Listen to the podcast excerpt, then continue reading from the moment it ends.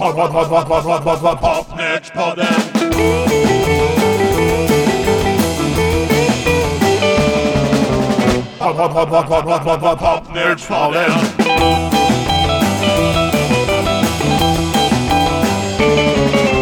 Popnördspodden. Hejsan uppe! Vad blir det för delikatesser idag? Ja du Åke, idag är huvudpersonen en kille som heter Åke! Hmm, är Åke Sandin, Åke Eldsäter, mm, ja vad kan det vara mer? Ja, det är just det. Född 1921 i Utansjö i Ångermanland. Han kommer inte att höras på de här inspelningarna, vad jag vet i alla fall. Men det var alltså en kille som hette Åke Larsson. Han hade ett extra förnamn också, Åke Gerhard Larsson. Ah, Olga! Olga, Efel och Europa, de tre skivbolagen han startade samtidigt, ungefär 1964, när han var 43 år. Han hade ju redan då drivit Europaproduktion innan och startade ju redan på 50-talet tidningen Showbusiness, som var en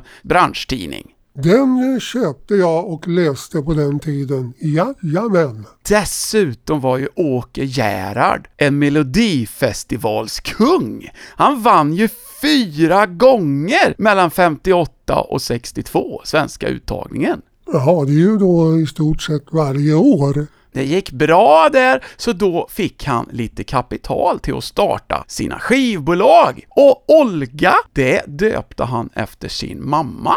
Det var snällt. Och det andra, Efel, det vet jag inte vem det var. Kusin från landet kanske. Ja, möjligtvis. Och så var det då Europa. Man kan ju tycka att Europa skulle ha varit huvudlabeln, men det blev det inte riktigt. Vi ska börja faktiskt lite innan han kom igång med sina skivetiketter. Det här är en grupp som heter Blackbirds, inspelade live 1961.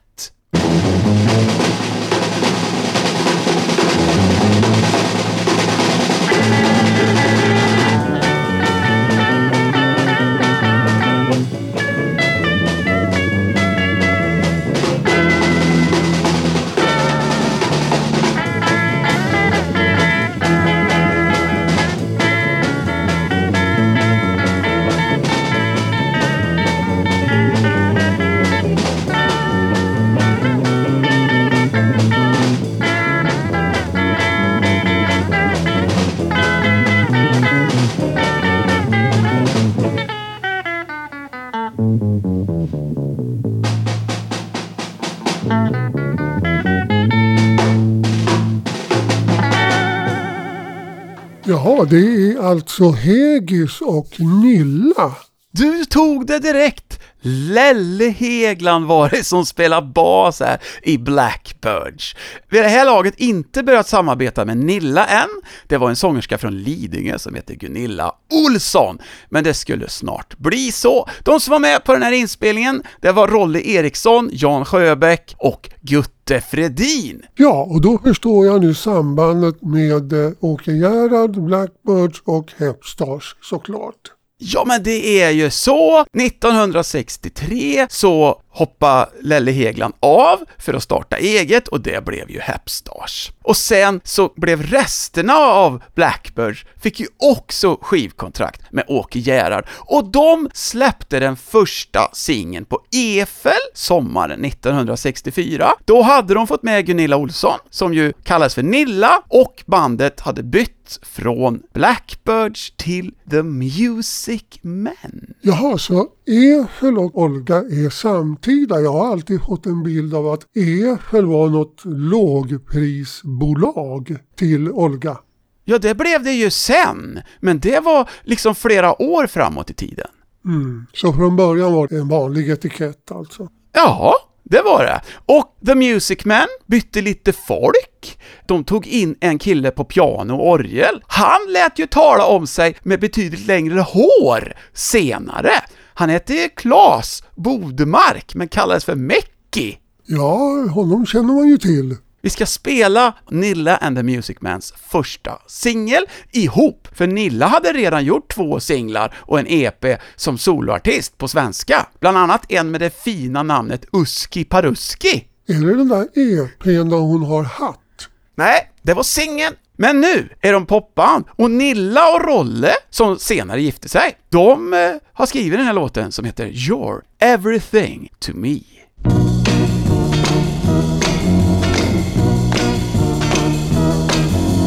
I think of you, yes, the whole night through. Since you left me, I am so blue. You, you, you, you, you're everything to me.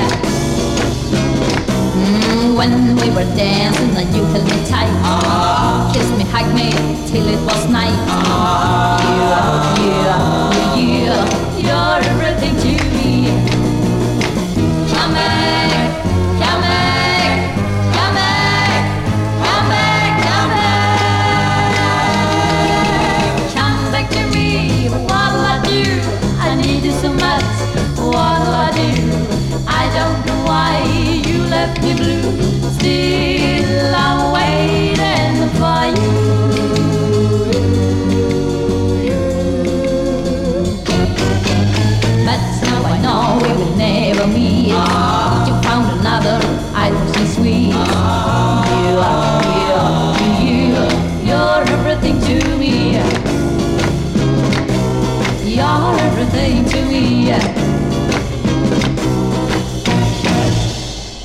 låter ju som eh, Helen Shapiro-pop det här. Och det är klart, det var väl de förebilder man hade. Ja, absolut! Och vi ska spela även en singel till som de gjorde, sommaren 65.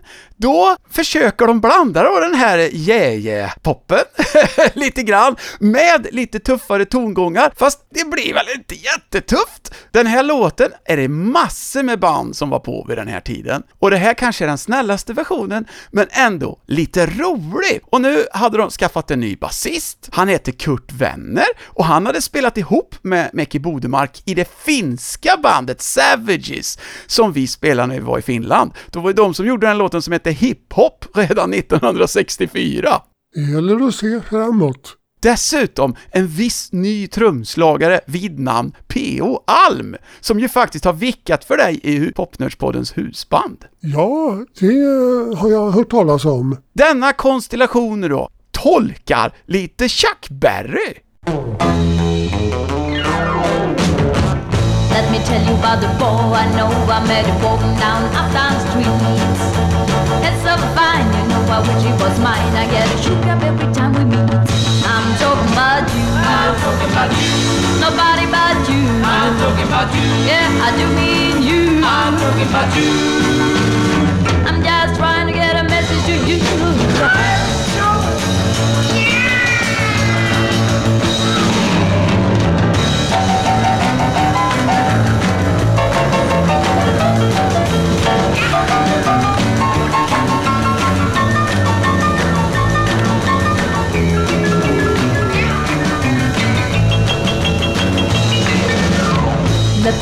About the boy I know. I tell you now, he looks so good. He's so fine, you know. I wish he was mine. He ought to be somewhere in Hollywood. I'm talking about you. I'm talking about you. Nobody but you. I'm talking about you. Yeah, I do mean you. I'm talking about you. So I can get a message to you. Talk, talk, talking about you. I'm talking, Talk, talk, talking about you. talking about you. Baby. Talk, talk, talking about you. Ja, den här gjorde ju Pirates. Det var en bra version kom jag ihåg. Ja, det var ju många som var på den. Till och med Beatles gjorde det på en sån där BBC-inspelning. Ja, en populär låt. Friends gjorde den och ja, det var många som var på Talking about you. Ja, det var ju Chuck. Och han var ju mannen i tiden. Det här var då sommaren 65. Sen på hösten så gjorde de en turné till Östtyskland och vid hemkomsten så upplöste de Nilla and the Music Men. Jaha, det låter ju dramatiskt. Vad stundade då? Rolle och Nilla, de startade ju någonting som heter Nilla och Dom sen. Som väl var något dansbandsaktigt mera. Jaha, de började med dans eh, så tidigt alltså. De låg lite före de andra popbanden. Nu ska vi fortsätta med ett band som nog var ett dansband redan på en gång. De gjorde den skivan som kom som nummer två på EFL. Det var en eh, svensk version av Mary Wells låt My Guy som hette Peggy. Nu så är det deras andra singel. Den testades på 30 test, gick väl sådär. Den hamnade nämligen på plats 30. Och varför det då? Ja, det är ju bara lite nästan pop det här. De heter Hasse Gedda and the Sick Pops 42 in Chicago.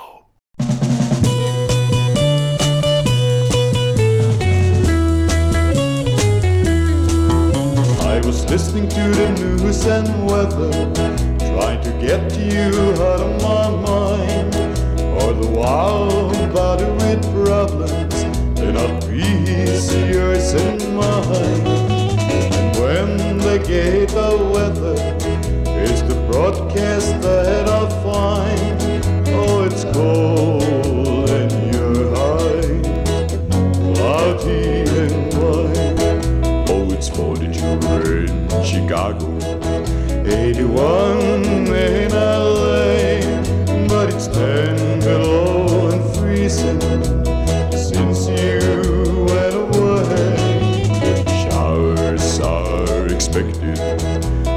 sun shines bright, and you're not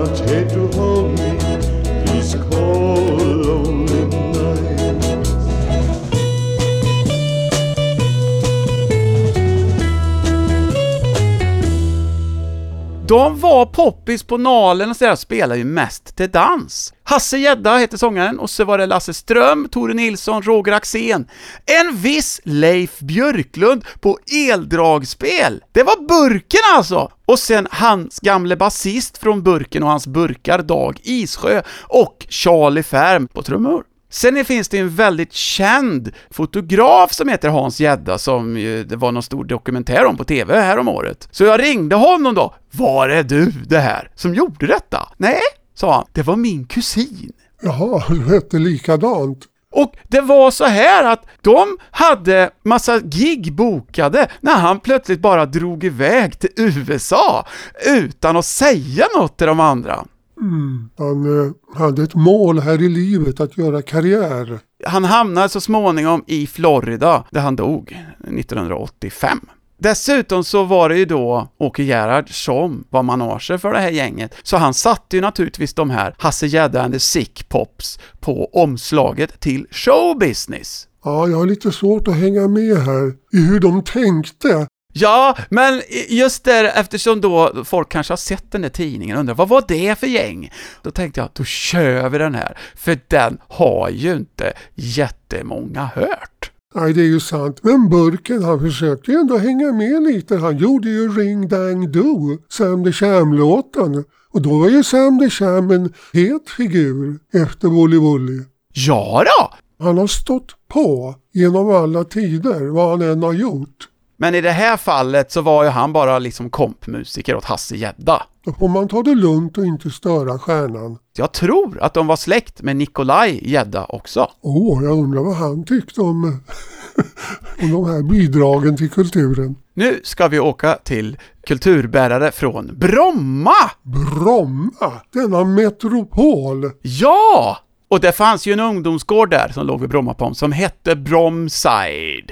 Den känner jag till, mycket väl. Ja, och där så började de i det här bandet på att vara med på lite olika popbandstävlingar och det gav skivkontrakt då med Europa den här gången. Så nu var det den tredje etiketten då, förutom Efel och Olga, alltså Europa. Gruppen, de hette Keynotes och vi ska spela deras andra singel där de kör lite Searchers.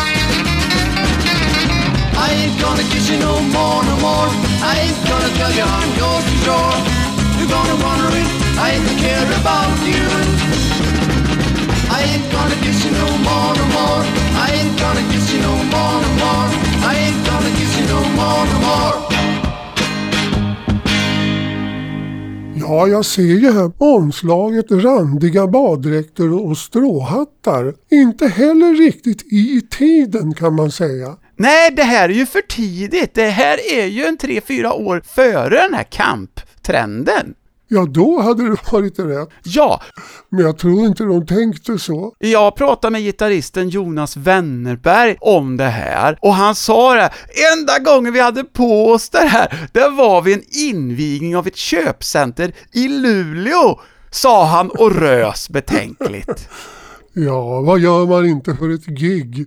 Det här var bröderna Dåderman, Jan på sång och Bengt på trummor. Och Jan, enligt konvolutet på första singeln så står det att han då ibland kallades Johnny Lee också. De övriga var Ove Johansson och eh, Tommy Blank på gitarr. Tommy Blank har vi pratat om förut, han spelar ju med Py Bäckman i Baby Py Grandmothers och flyttade sedan till Australien och började bygga gitarrförstärkare under namnet Blank. Mhm. Jonas Wennerberg blev eh, klassisk gitarrist sen, och sen blev han countrygitarrist och medlem i Country Minstrels, som blev Europamästare i country i Holland 1984. Ja, du vet allt.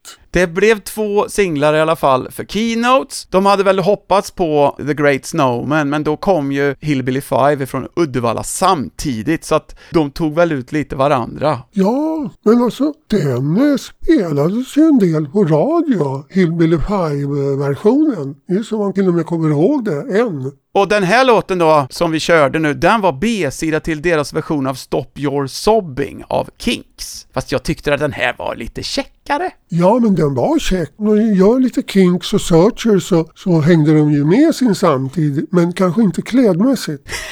I de här långarmade och långbenta pyjamasbyxorna som var randiga, men det är oerhört stiligt nu tycker jag. De höll på till i början på 1967 när Tommy Blank gick över till Palmes, faktiskt. Menar du Björne Palmes eller den andra? Jag menar det Stockholms Palmes då, där Ronny Gustafsson då var med och spelade gitarr. Vi ska ta ett band nu som då har också sådana här länkar ihop med Hepstars. För detta är ett band som börjar under namnet Clifftones. Och Clifftones hade ju en sångare som hette Svenne Hedlund. Han är väl inte helt obekant? Han är väl tämligen välkänd, ja. Och sen så hoppade han ju av och blev sångare i Hepstars. Och sen så fick ju Hepstars byta organist när Hasse Östlund slutade hösten 64 och ersattes av Benny Andersson. Och vad gjorde då Hasse Östlund? Jo, han slog sig ihop med Clifftones och sen bytte de namn till The Fools. Ja, Cliftones låg väl inte i tiden det heller. Nej, Då ska det bli intressant att se hur de ser ut på omslaget på sin skiva. Om även de luras på en massa konstiga dräkter. Vi ska spela deras andra singel från oktober 1965. Det är en, eh, lite fart här, tror jag nog. Bullmos.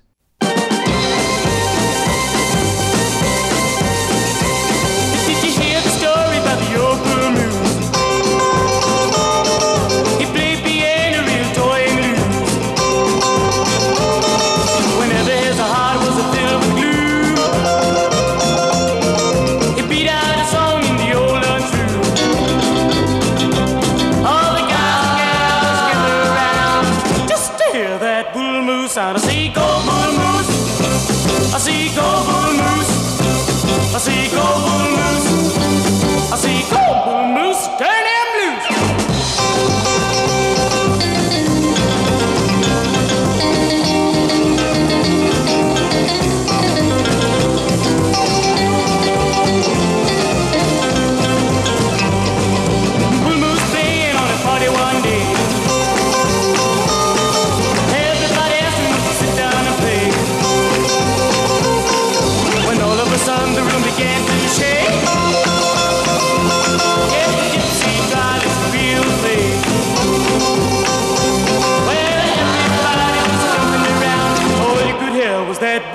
moose and I see go bull moose. I see go bull moose. I see go bull moose. I see go bull moose. Turn him loose.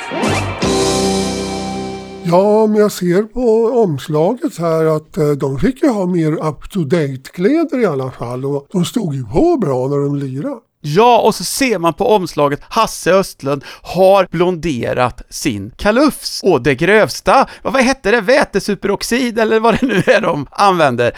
Och det var ju så här att de hade bestämt på ett rep att de skulle göra så hela bandet. Så då kom Hasse till nästa rep och då var det bara han som hade gjort det. En luring alltså.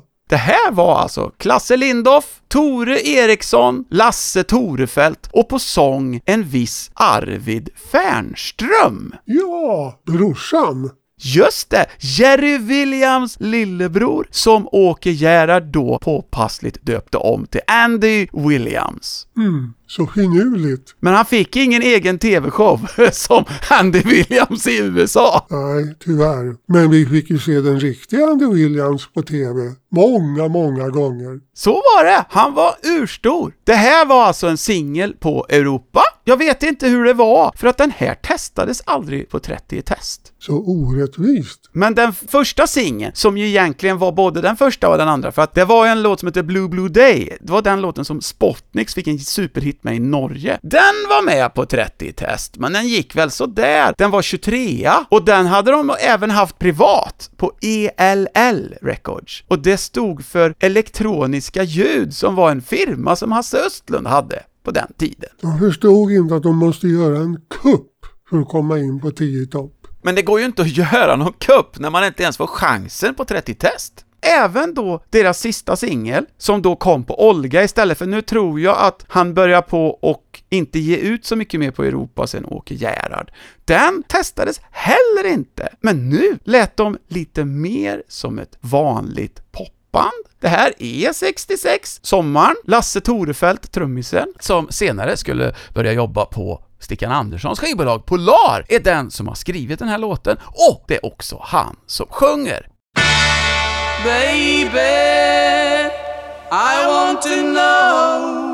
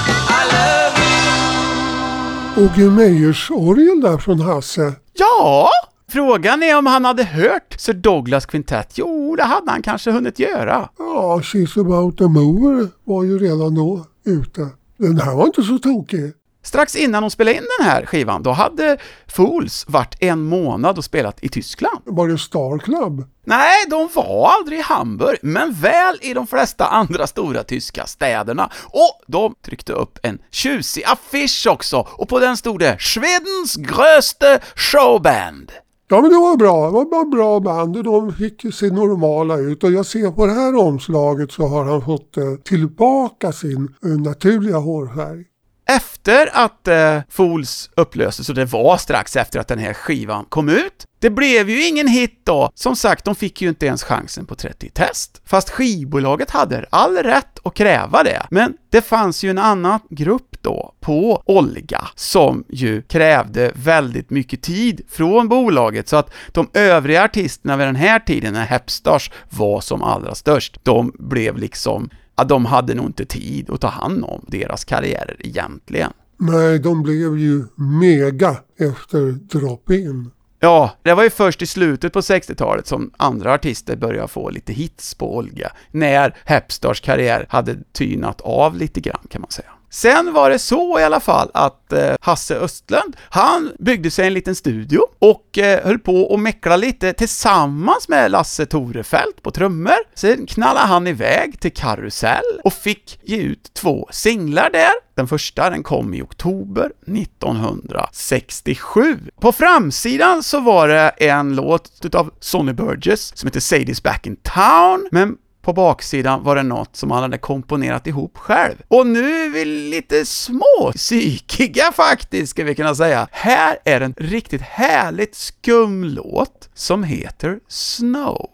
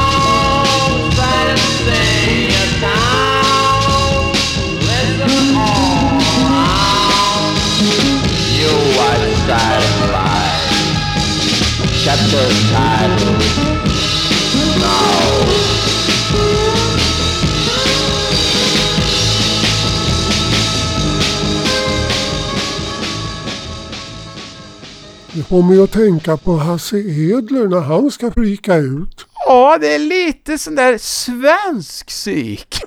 Svensk psyk, ja. Ja, hur som helst i alla fall, så fick Hasse Hepp göra en singel till på Karusell. Det var Bee Gees-låten Harry Braff, och sen på baksidan var det Hey Joe, men inte Hendrix-biten, utan en gammal countrylåt som Carl Smith och Kitty Wells hade haft en hit med redan på 50-talet.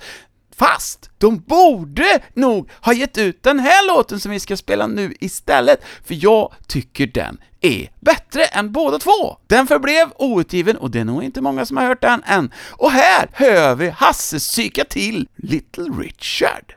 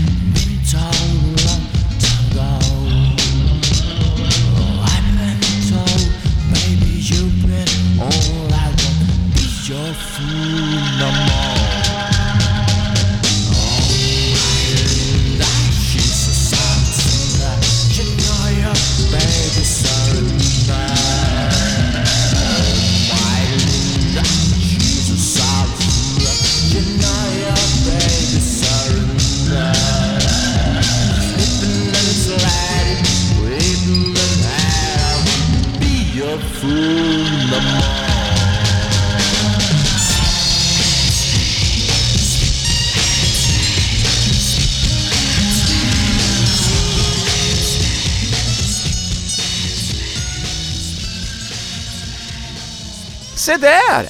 Ännu en hyperexklusiv inspelning här i Popnörspodden. Denna gång hade vi fått hjälp av vår trogne lyssnare Per Magnusson att ragga fram den här. Och är ni sugna på mer info om Hasse Hepp så har Per faktiskt skrivit en artikel i den amerikanska tidningen Ugly Things om honom. Aha! Och sen var det väl så att Hasse Östlund kom ju sedan mest att figurera som ljudtekniker på en väldigt, väldigt massa skivor. Och sen hade han ju även egna skivbolaget Scam som gav ut Solid Ground, den där jätteobskyra hårdrocks-LPn där din gamle vapendragare från Attack, Björn Ur var med och lira. Just precis. Sen fick han ju en son som också heter Hasse Östlund. Nomads. Just det! Ja men det var ett bra band. Eller de lirar väl än förresten. Ja, det tycker jag de ska göra. Man ska lyra tills man stupar. Precis.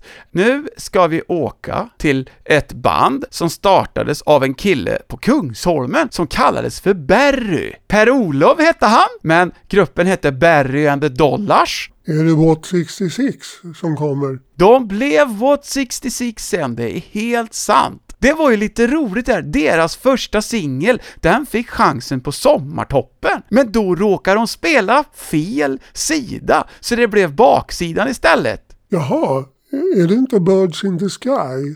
Nej, det är nästa skiva. Det här är Watt 66 Theme, som då testades på Sommartoppen, men den hamnade på 15 och sista plats. Det gör ingenting, den var där ändå. Och jag tycker att den är en härligt klämmig bite.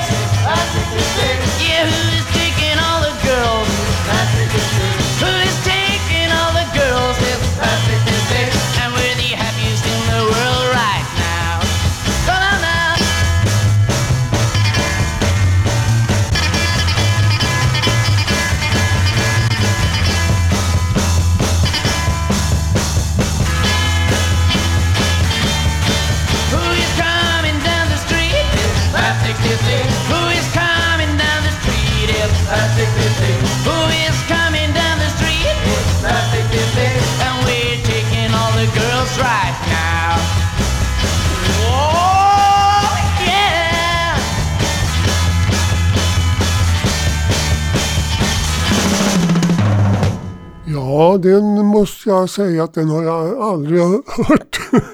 Även om jag lyssnade på alla tio topp och sommartoppen. Jag har inte ett spår av ett minne av den. Nej, men jag tycker att den är trevlig. Det var Barry Bjärrenäs, Robert Nord, Bengt Hegland, Lennart Jansson och Gutte Fredin, alltså trummisen från Nilla and the Music Man. Aha! Och sen så var ju Bengt Hegland då brorsa till Lelle i Hepstars, så där har du ju en sätt att knyta an till Åke Gerhard och Olga. De som hade en butik ihop, i alla fall i bildjournalen. Just det! Shape hette deras klädbutik och lite, jag tror till och med att det fanns lite skivor där också.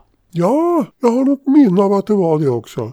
Men vad hände då på sommartoppen? Jo, de fick ju be om ursäkt, så nästa vecka fick ju Watt 66 chansen igen med den de hade tänkt att spela första gången. Och det var den här låten som senare gjordes i en cover av Hepstars.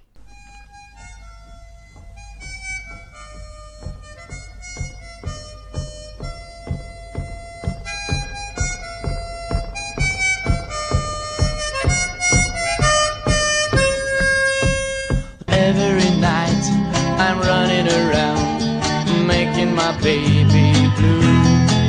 Well, I love girls, I go out with a few, and I promise them all to be true. Well, every night I'm fooling around, living my life in sin. Never thinking of that morning comes after night, and that I must explain where I've been.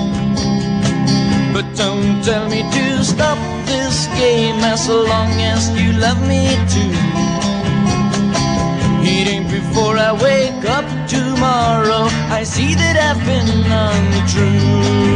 But I know it is wrong to go out with you and say you're the one for me. Because morning still comes after night, and then my babe might set me free. Because morning still comes after night, and then my babe might set me free. Ja, jag sitter här och funderar och försöker komma på vad är det för Hepstars-låt då som de har gjort? Den är ju på Hepstars tredje LP som heter Hepstars. Ja, då förstår jag. Den skivan var ju en överraskning om man säger så. Efter alla de där singlarna och On Stage så kom ju en LP som är jättesnäll och mesig. Från att ha varit ösband nummer ett till det absolut snällaste band man kan tänka sig. Men det hade väl lite med att göra att de började köra egna låtar? Kan det vara så enkelt? Eller kanske helt enkelt var enklare att få till bra ballader än bra rocklåtar? Ja, kanske det. Det här var alltså Morning Comes After Night. Men trots att de fick härlig exponering två veckor i rad i sommartoppen, alltså sommarvarianten av 10 topp, så blev den inte bättre än 15 placerad den här heller! Hoppsan! Det var ju då Barry Bjärrenäs som hade skrivit den här. Sen fick ju han in en låt till då på den här skivan, som hette The Birds in the Sky. Då hade tyvärr Watt 66 upplösts när det var dags att spela in deras version av den här. Så då var det bara Gutte Fredin och eh, Barry Bjärrenäs kvar, även om eh, Bengt Hegland är med på omslaget där de sitter i en Cadillac som det sitter stora klistermärken på från Beatles-frisören Rolf Elfsjö, om du kommer ihåg honom. Det gör jag. Han höll till på Kungsholmen. Då så var det väl så att Roffa han betala helt enkelt för omslagskostnader och sånt om han fick ha med lite reklam där. Så enkelt var det med det. Men det var ju det här då, det fanns ju inget band. Så att då fick de kalla in lite annat folk. Förutom Gutte och Berry så var det Bosse Liljedahl från Girls Boys och Örjan Englund ifrån Maniacs. Just precis. Men Sen var det ju så här då, då satte de ihop ett Watt 66 ändå, och då så kom eh, en kille som heter Yngve Målberg från Mercenaries i Täby. Han kom med, och Kjell Persson som också var från Täby tror jag, och en kille som heter Anders Dillström. De kom in i Watt 66, men då var bakgrunden redan inspelad till den här, deras egen version då av Birds in the Sky. Kjell Persson är med och sjunger, och sen hade de en annan polare från Täby som kom in och la lite orgel, och det är ju han från Nilla and the Music Man, det vill säga Mäcki Bodemark. Aha. Det är i alla fall någon som blev hippie sen. ja, en i alla fall. Det här blev ju en hit. Den blev ju fyra på 10 topp. Här är Birds in the Sky.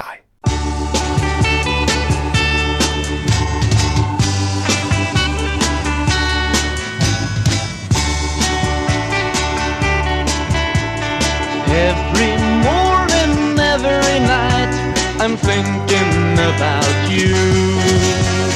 It's hard to forget you and accept that we are through.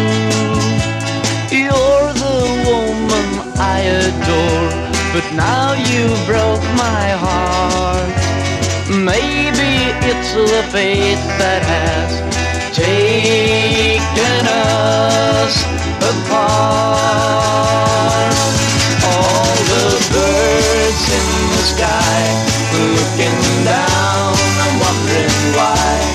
Why can't I stop my crying? Look around and stop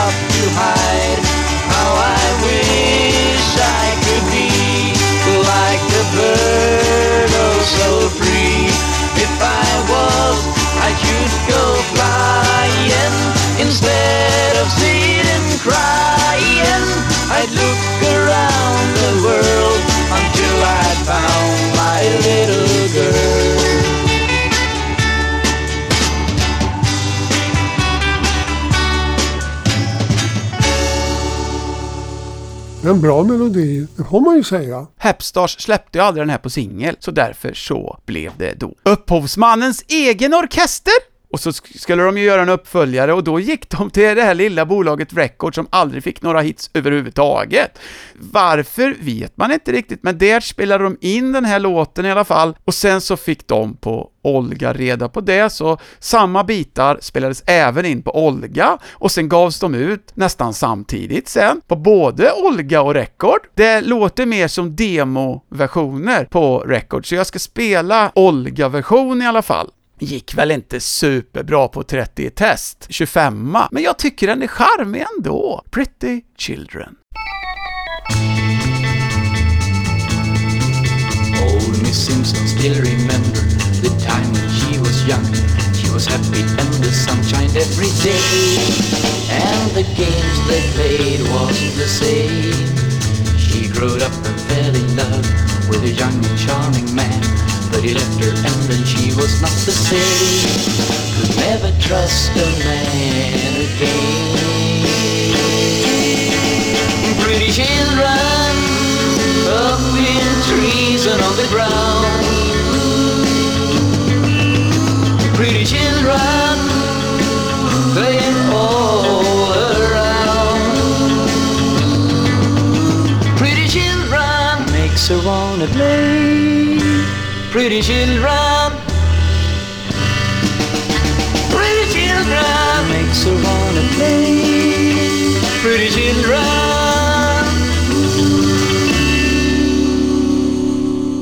Det var ju då lite tjorvigt där med eh, skivan på två olika skivbolag, så att jag misstänker att de inte satsade supermycket från Olgas sida nu heller.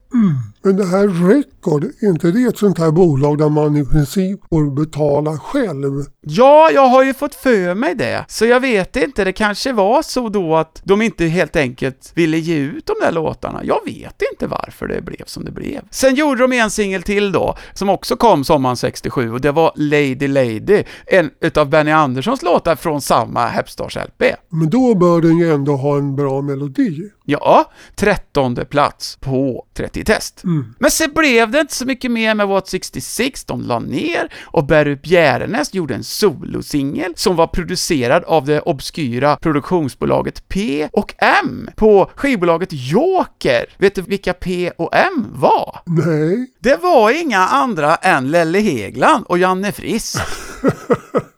jaha. Barry sjöng då en låt som Giorgio Moroder hade gjort som hette 1000 volt, för han gjorde då en försök med pop på svenska. Det är ju samma veva som Pugg, kanske till och med lite före. Ja, men är den poppig? Eller låter den mer svensktopp? Lite blandat sådär. Nu ska vi byta orkester igen till ett annat band som jag tror att du känner till hyfsat bra. De är från Årsta. De hade en väldigt ung basist som bara var 14 år, de andra var lite äldre. Han var inte lång heller och kallades för Lill-Hasse. Aha, Rowing Gamblers.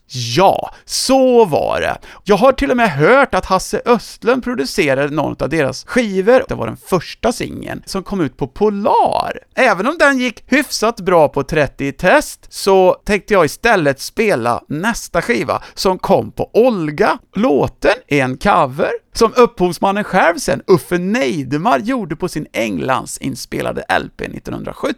Men detta är 1968 och Rowing Gamblers spelar Uffe Neidemars låt Get Inside.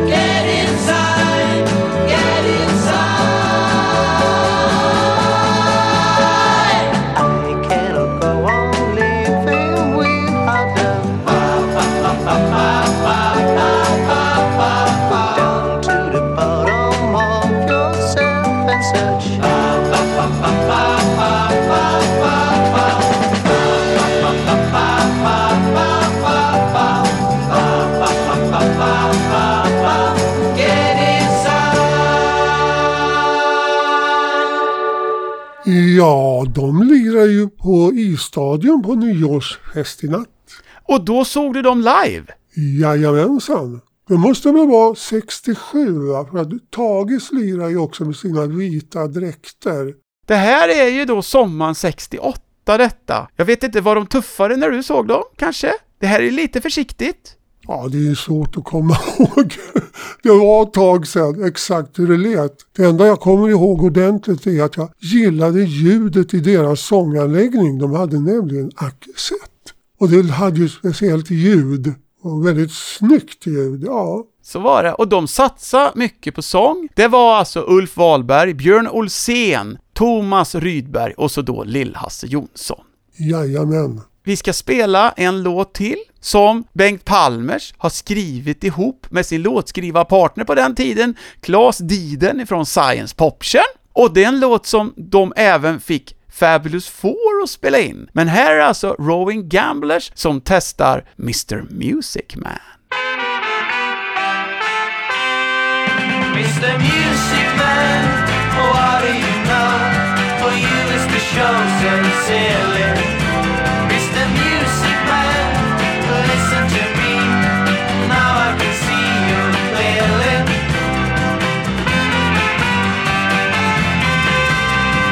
What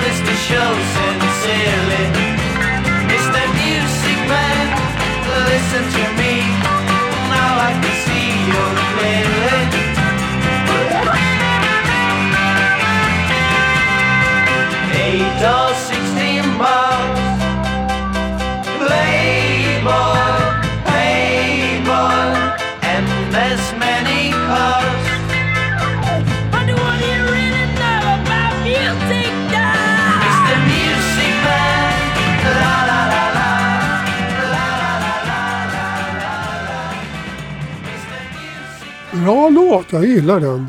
Det blev väl ingen superhit sådär.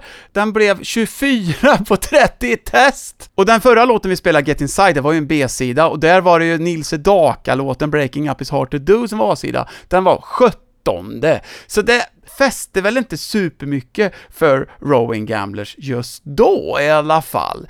Däremot musikaliskt tycker jag ju att nästa singel, när de lämnade Olga för Parlophone med en låt skriven av Göran Lagerberg som låter väldigt mycket Tages. A World of Roses. Ja, Den är bra. den är skitbra och den låter så här.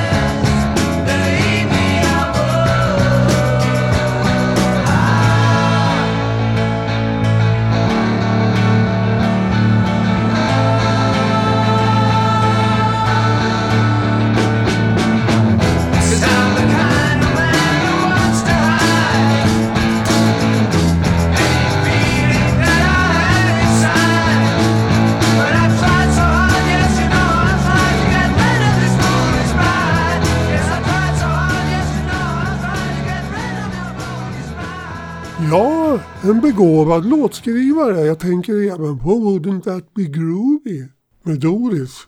Absolut. Men det här var ju alltså då Rowing Gamblers. Deras trummis Thomas Rydberg, han gick ju vidare då till olika grupper. Framförallt så var det ju Life Ja, ja, då är vi i den psykedeliska eran. Mm, och sen Nature. Lite mindre psykedeliskt. Och sen det där projektet Resan med den där bussen på omslaget. Ja, men då börjar det väl bli lite flummigt igen. Jajamän. Sen var det så att Rowan Gamblers, de fick ju göra musik till en film som heter Mr och Mrs Sweden med Jarl Kulle. Har du den på video? Ja, någonstans. Jag har i alla fall sparat själva musikframträdandet med eh, Rowan Gamblers som är typ 12 sekunder eller lite mer kanske. Oerhört tjusig film. Men då höll de lite på den inspelningen så den skulle komma ut 1970.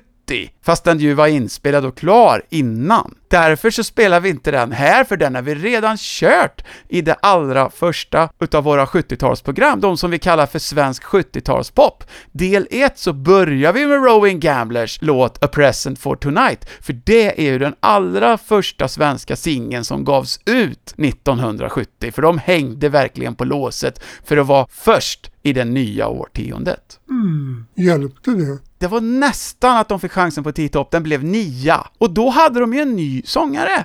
Peter Stolt hade ju kommit med då. Han hade ju redan gjort ett singel med sitt eget band. Det var också producerat av en viss gubbe från Science Poption. Inte Claes Diden, utan Roger Wallis. Låten hade gjorts av Watson T. Brown and the Explosive. De hade gjort en singel på engelska bolaget President. Det var ju där Equals låg. Då tog de hand om en låt därifrån och testade den med Peter Stoltz band, som fick ett fint namn på engelska. De bara döpte om honom, så blev det bandnamnet Pete Proud. Och här är Crying All Night.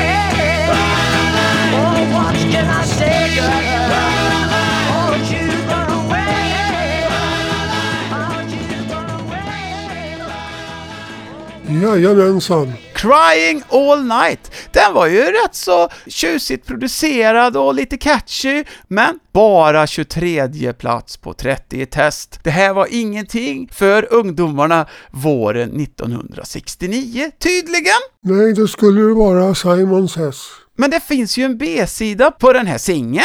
Där är det faktiskt så att Roger Wallace har skrivit en låt som är lite Simon Sessig, åtminstone i titeln. Den har det fina namnet Baba Dada O.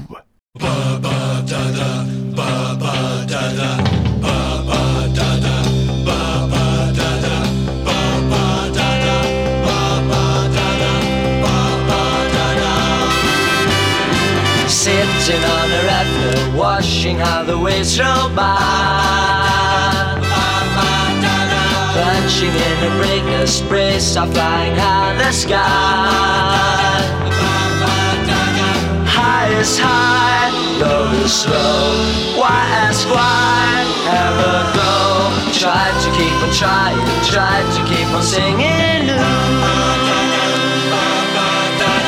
Dream with this summer thoughts of mine.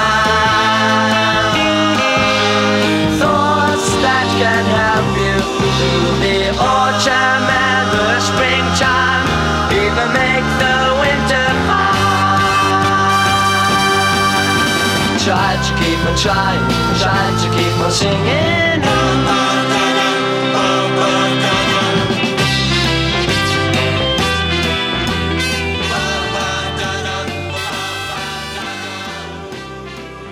Det här var alltså Pete Proud, ett gäng från Gröndal, som repade i en scoutstuga.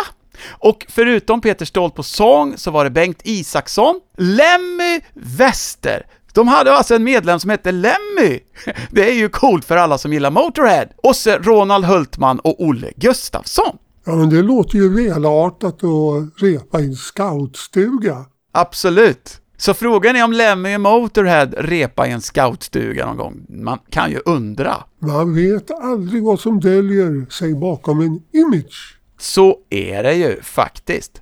Ja, slutet av 60-talet, det blir ju en generationsväxling. Alltså det ser man ju på Tio i topp. Helt andra sorters låtar som ligger där.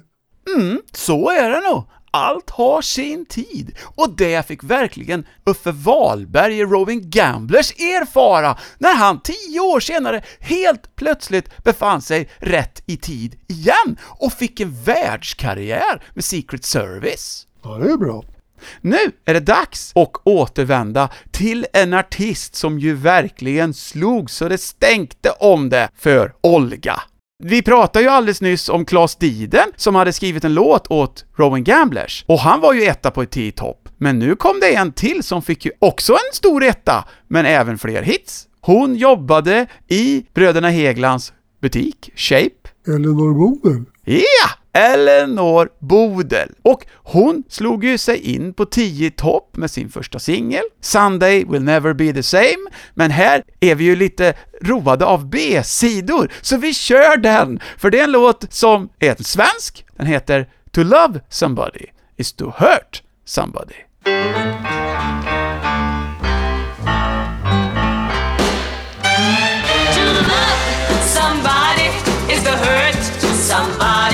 Somebody, is to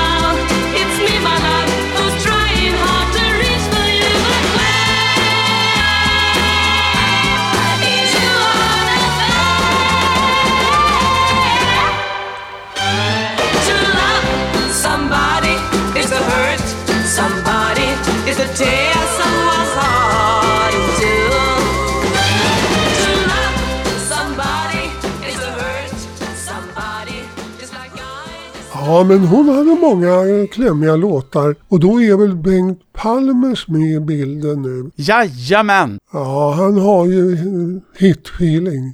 Han har skrivit låten också, ihop med Claes Diden. Den är en trevlig bite, eh, som inte så många har hört, men sen då, i januari 69, släppte de ju hennes etta på 10 topp, som också blev etta på kvällstoppen. Det var ju inte alltid som en 10 topp-etta sålde så bra att de var etta på kvällstoppen också. Men det gjorde nämligen One Way Ticket, och det är en bra produktion utav Bengt Palmers.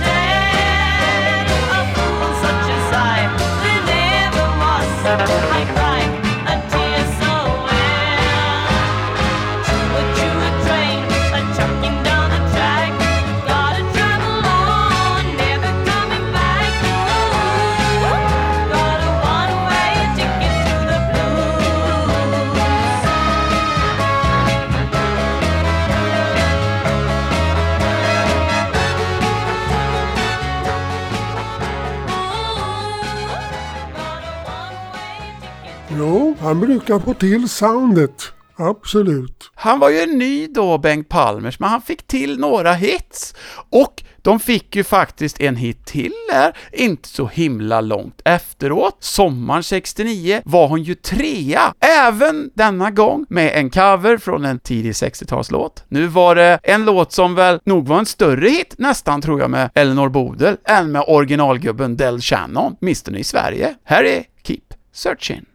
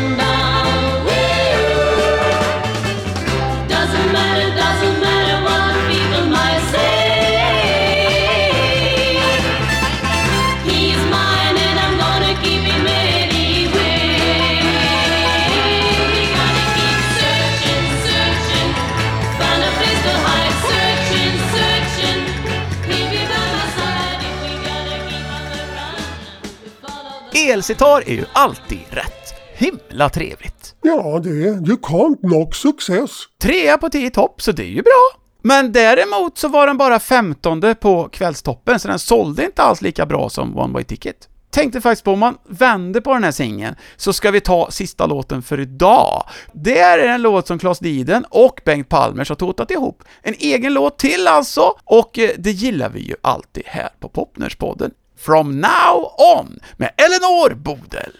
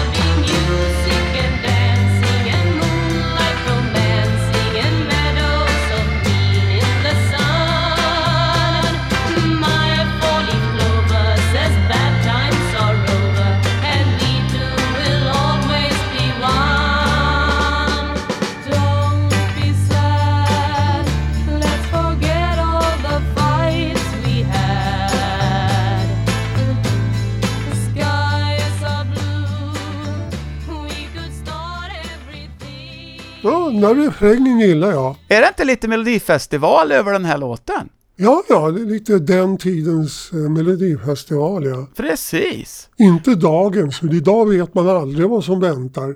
Det var alltså en genomgång av de här andra artisterna än Hepstars på Olga. Ja, ett fint skivbolag. Och de höll ju på flera år till in på 70-talet, men några mer hits blev det ju inte efter Eleanor Bodel, för hon gick ju till Bengt Palmers nya skivbolag Blueberry, som han startade ihop med John Julian från Kurt Görans. Men där försökte hon ju med Huckleback, Hucklebuck och eh, Stupid Cupid, och båda två de blev sexa på 30 test, så de fick inte chansen på 10 topp. Man vet inte om det hade blivit hits om de hade fått chansen på 10 topp sen, men de var ju precis nära. Och sen så skar sig samarbetet mellan Bengt Palmers och John Julian. Blueberry, den var ganska kortlivad. Det går ju snabbt i musikbranschen. Rätt som det är så är det något annat som gäller.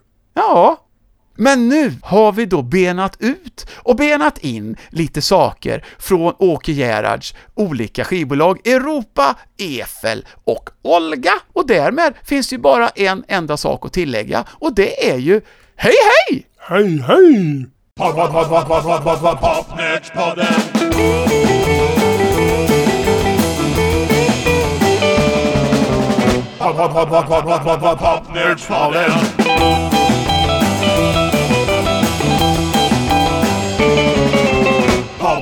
Popnördspodden.